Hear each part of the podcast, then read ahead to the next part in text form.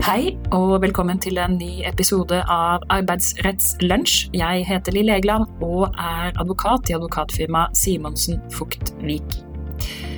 Denne podkasten er ment å gi deg litt lett, lettbent eh, eh, innsikt i arbeidsrett, og er godt egnet til å ta med seg på tur når du går. I dag skal vi snakke om temaet sluttavtaler, og helt konkret skal vi snakke om en dom fra lagmannsretten som nylig har kommet, og som kan være av interesse for alle de av oss som jevnlig inngår sluttavtaler. Før jeg går inn i den dommen, så tenkte jeg at jeg skulle gi et lite fugleperspektiv på dette med sluttavtaler. Hører du på denne podkasten, så er vel sannsynligheten stor for at du har vært der selv som arbeidsgiver, du sitter i et eh, rom med arbeidstaker og kanskje arbeidstakers advokat eller tillitsvalgte. Man har forhandlet en stund, og det er eh, i ferd med å bli sent på ettermiddagen.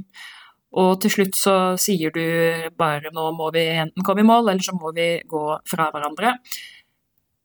Man blir enige, man eh, signerer en avtale etter å ha lest gjennom det, og er glad over at det tross alt har lukket seg, denne saken, og at man ikke behøver å møtes i retten eller tviste lenger. Omtrent sånn var eh, saken i dommen som vi skal høre om litt eh, senere, og i den saken så anførte arbeidstaker at sluttavtalen ikke var bindende, at den i realiteten måtte ses på som en ulovlig oppsigelse, og at han hadde krav på erstatning. Og så kommer da domstolen med noen synspunkter på det, og, og litt eh, egentlig gode momenter man kan ta med seg i disse situasjonene. Og det, som jeg sier, er jo ikke en uvanlig situasjon at man kan sitte i disse møtene. Og det er jo en konsekvens av at det å inngå sluttavtaler i seg selv, det er jo eh, både vanlig og et godt alternativ til en oppsigelse i situasjoner hvor man er uenige om f.eks. arbeidstaker gjør en god nok jobb, eller om det er grunnlag for oppsigelse pga. nedbemanning. Eh, forutsetningen for å få en sluttavtale på plass er selvfølgelig at begge parter er enige. Eh, det ligger jo i ordet avtale, man må ha aksept fra begge parter. Fordelen for en arbeidsgiver er at man blir ferdig med saken og ikke lenger risikerer tvist, eh, og det som en tvist medfører, både av intern tid og kostnader til å stå i stilling, og kanskje uro på arbeidsplassen, eh, og kostnader til advokat. Alt det er eh, det arbeidsgiver får ved å inngå en sluttavtale. Mens arbeidstaker på sin side for det første vil få etter, en etterlønn, altså et sluttvederlag, som er en økonomisk kompensasjon for å si fra seg rettighetene sine. Og så ligger det jo selvfølgelig en fordel for arbeidstaker også i at man f.eks. kan slippe å jobbe i oppsigelsestiden, det er jo ikke uvanlig i sluttavtaler.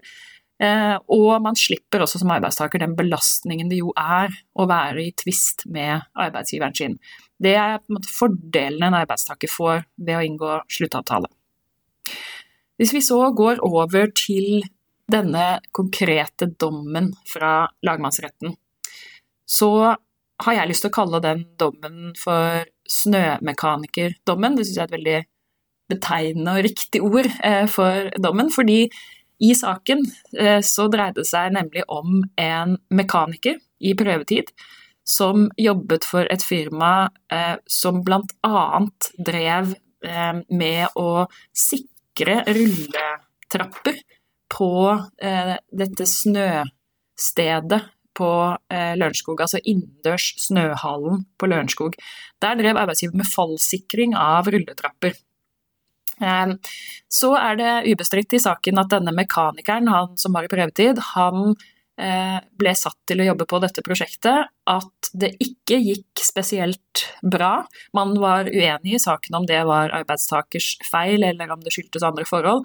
Det som er ubestridt, er at det hadde nok ikke gått så bra på dette prosjektet for arbeidsgiver heller før arbeidstaker kom, så det var en del problemer og feil og mangler.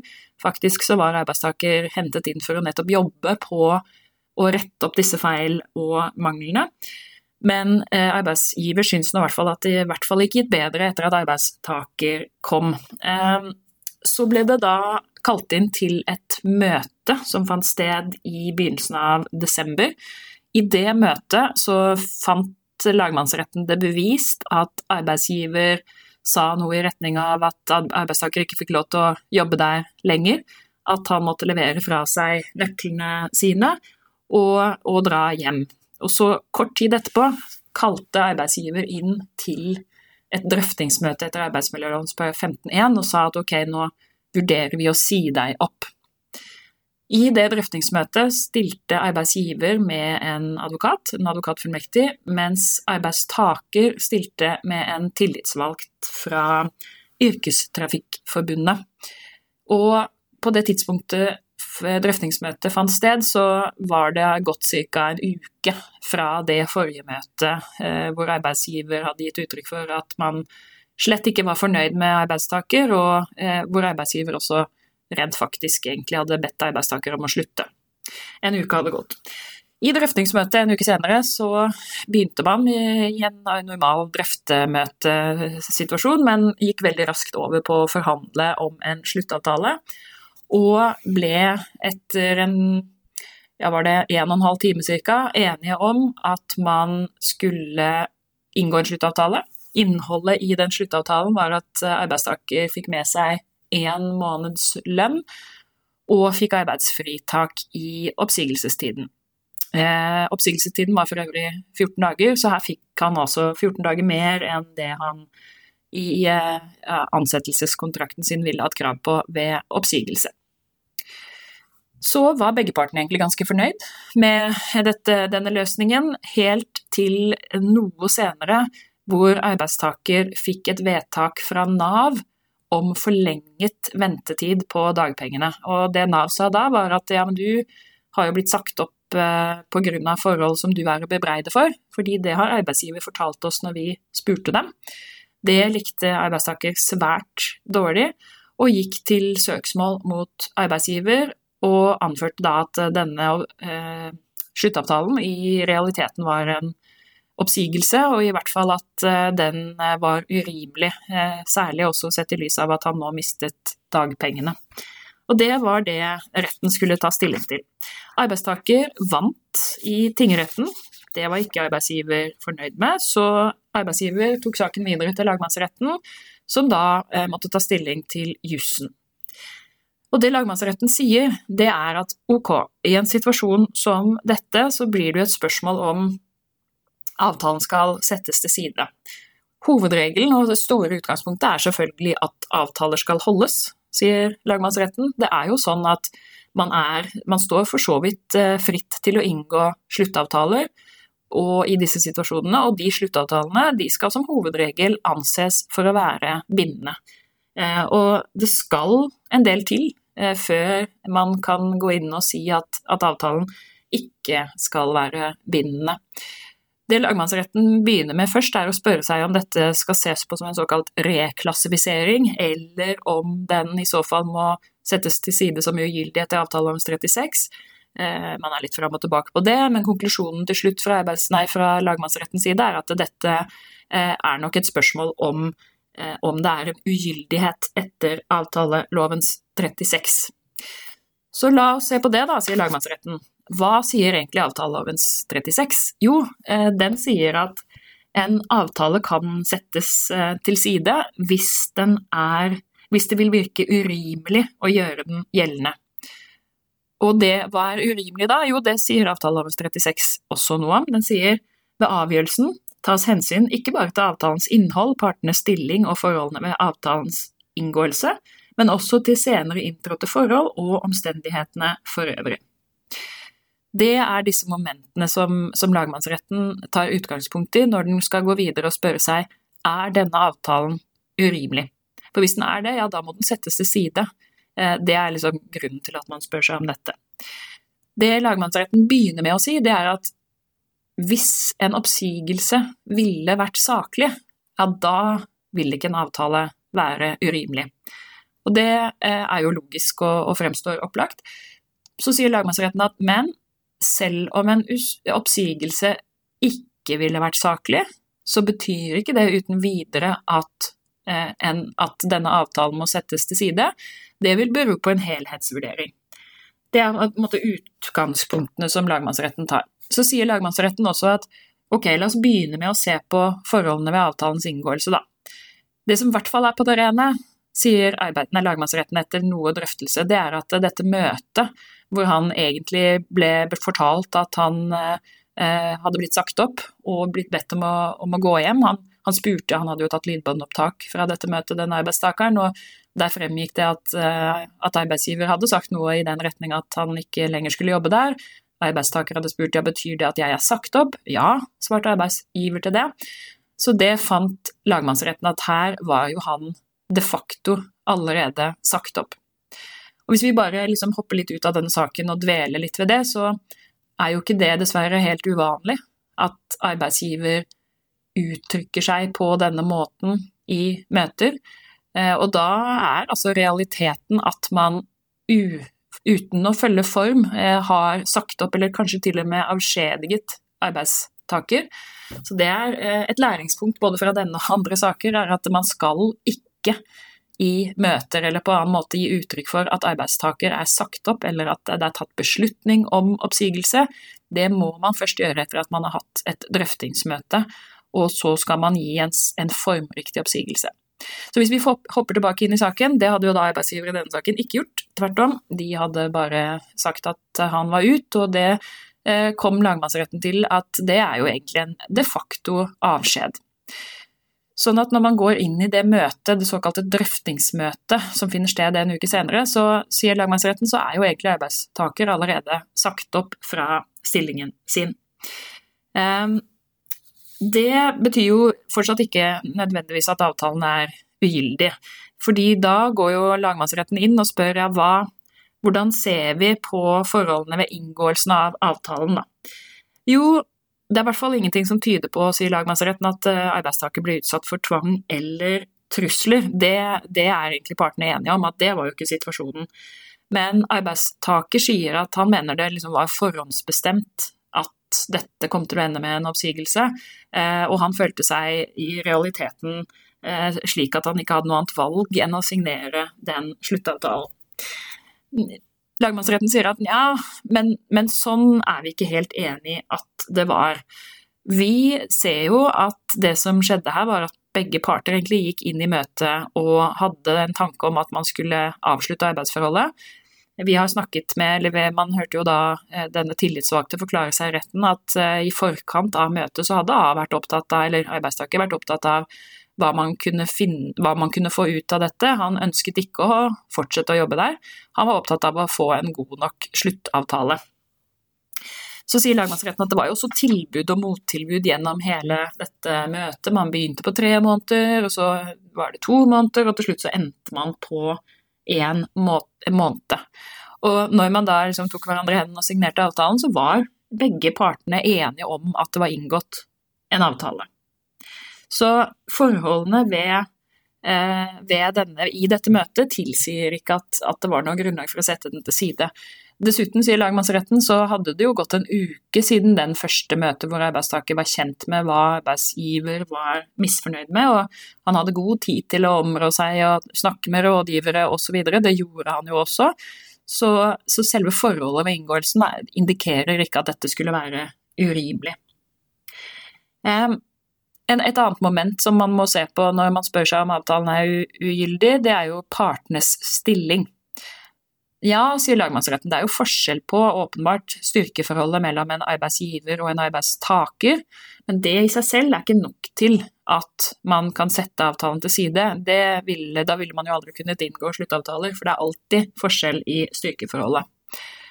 Det arbeidstaker hadde sagt i denne saken, var at man måtte se på at det var styrkeforskjell eh, på, altså på rådgivernes kompetanse arbeidstaker anførte at arbeidsgiver var jo representert ved en advokatfullmektig, mens arbeidstaker selv bare var representert ved en tillitsvalgt. Det er rett og slett eh, Det er første gang jeg har hørt den anførselen, men lagmannsretten går inn i den og, eh, og vurderer den og sier at ja, Eh, for det første så hadde jo ikke denne advokatfullmektigen vært med i mer enn et par eh, drøftingsmøter før, mens den tillitsvalgte sa selv at eh, han hadde vært med i flere titalls møter. Dessuten hadde den tillitsvalgte også tatt kurs. Så her mente man at det ikke var noe særlig styrkeforskjell i rådgiverkompetansen. Så kan man jo spørre seg om det i seg selv, om det så hadde vært et styrkeforskjell, skulle vært eh, utslagsgivende. Jeg mener ikke det, men, men uansett så går nå eh, lagmannsretten inn og drøfter det. Det som også er litt interessant, det er at arbeidstaker eh, påberoper seg omsorgsplikten. Altså, arbeidstaker sier at arbeidsgiver har ikke ivaretatt sin omsorgsplikt. Um, og det, da får vi noen interessante uttalelser fra lagmannsretten rundt innholdet i den såkalte omsorgsplikten, altså en plikt arbeidsgiver har til å ivareta arbeidsmiljøet, det psykososiale arbeidsmiljøet til, eh, til arbeidstaker.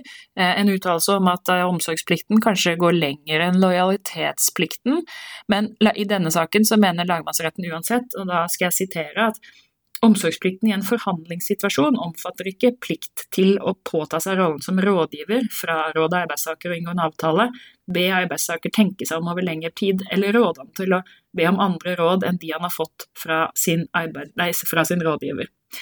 Så det er heller ikke slik, mener lagmannsretten, at omsorgsplikten eh, tilsier at eh, denne avtalen er urimelig. Neste spørsmål, sier lagmannsretten. Da har vi også kommet til at uh, forholdene ved, uh, ved, avtalens inngåelse taler ikke for urimelighet. Det gjør heller ikke forskjellen, altså partenes stilling. Uh, hva med da avtalens konkrete innhold? Ja, sier lagmannsretten, det kommer jo litt an på om oppsigelsen er, ville vært saklig eller ikke hvis det hadde blitt gitt en oppsigelse. Fordi hvis den ikke er saklig, da har han jo i så fall ikke fått så veldig mye penger. Så går man, lagmannsretten inn og gjør eh, en vurdering av om oppsigelse ville vært saklig i denne situasjonen. Og jeg skal ikke gå inn i den vurderingen, den er jo veldig konkret eh, tilknyttet denne saken. Men når man har båret seg ned i det og kommet opp igjen, så konkluderer i hvert fall lagmannsretten med at en oppsigelse i denne saken ville ikke vært saklig. Men, sier lagmannsretten, det betyr jo igjen ikke at, at eh, en avtale som er inngått etterpå, eh, er urimelig. Og så sier lagmannsretten at han har jo fått 14 dager mer enn det han ville fått ved en oppsigelse. Han hadde ikke hatt krav på å stå i stilling, for han er jo i prøvetid. Og det var han som ønsket å avslutte arbeidsforholdet. I tillegg så fikk han jo fri og slapp å jobbe, og det ligger en verdi i at han ikke behøver å stå i tvist med arbeidsgiver. Så eh, summen av dette eh, er at lagmannsretten lander på at denne sluttavtalen er faktisk gyldig, den er ikke urimelig, og sluttavtalen står seg, med andre ord. Eh, med andre ord, arbeidsgiver vant saken. Så helt avslutningsvis kan man spørre seg, er det noe å lære av denne saken? Og svaret på det er ja. Det er det jo stort sett alltid av alle saker og alt som skjer i livet.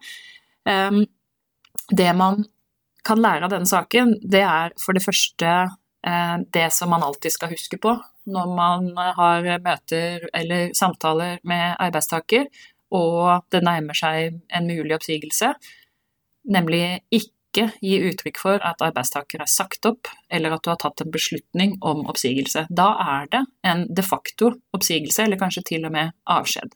Det er det ene man kan lære. Det andre man kan lære, det er noe som allerede var kjent også før denne saken, nemlig at skal du inngå en sluttavtale med arbeidstaker, så skal arbeidstaker ha tid til å områ seg, tid til å tenke seg om. I denne saken her så inngikk man jo riktignok en avtale i møte, men da hadde arbeidstaker allerede en uke i forveien vært klar over at arbeidsgiver ønsket å avslutte, og hvorfor arbeidsgiver ønsket å avslutte, og i tillegg hadde arbeidstaker med seg en rådgiver i møtet. Hadde saken vært annerledes, la oss si at eh, arbeidsgiver i det første møtet eh, som fant sted, hadde inngått en avtale med arbeidstaker uten at arbeidstaker hadde med seg noe rådgiver, ja, da hadde resultatet i denne saken blitt annerledes. Da hadde ikke den avtalen stått seg, da hadde det vært sett på som en reell oppsigelse. Så, så det å, å, gi arbeidstaker god nok tid til å tenke seg om, og gi arbeidstaker alle fakta på bordet, sånn man vet hva man tar stilling til, det, viktig, det var viktig før denne dommen, og det er også viktig etter denne dommen. Så er det jo litt sånn interessant å se det arbeidsgiver sier om styrkeforhold, nei, det lagmannsretten sier om styrkeforholdet mellom partene.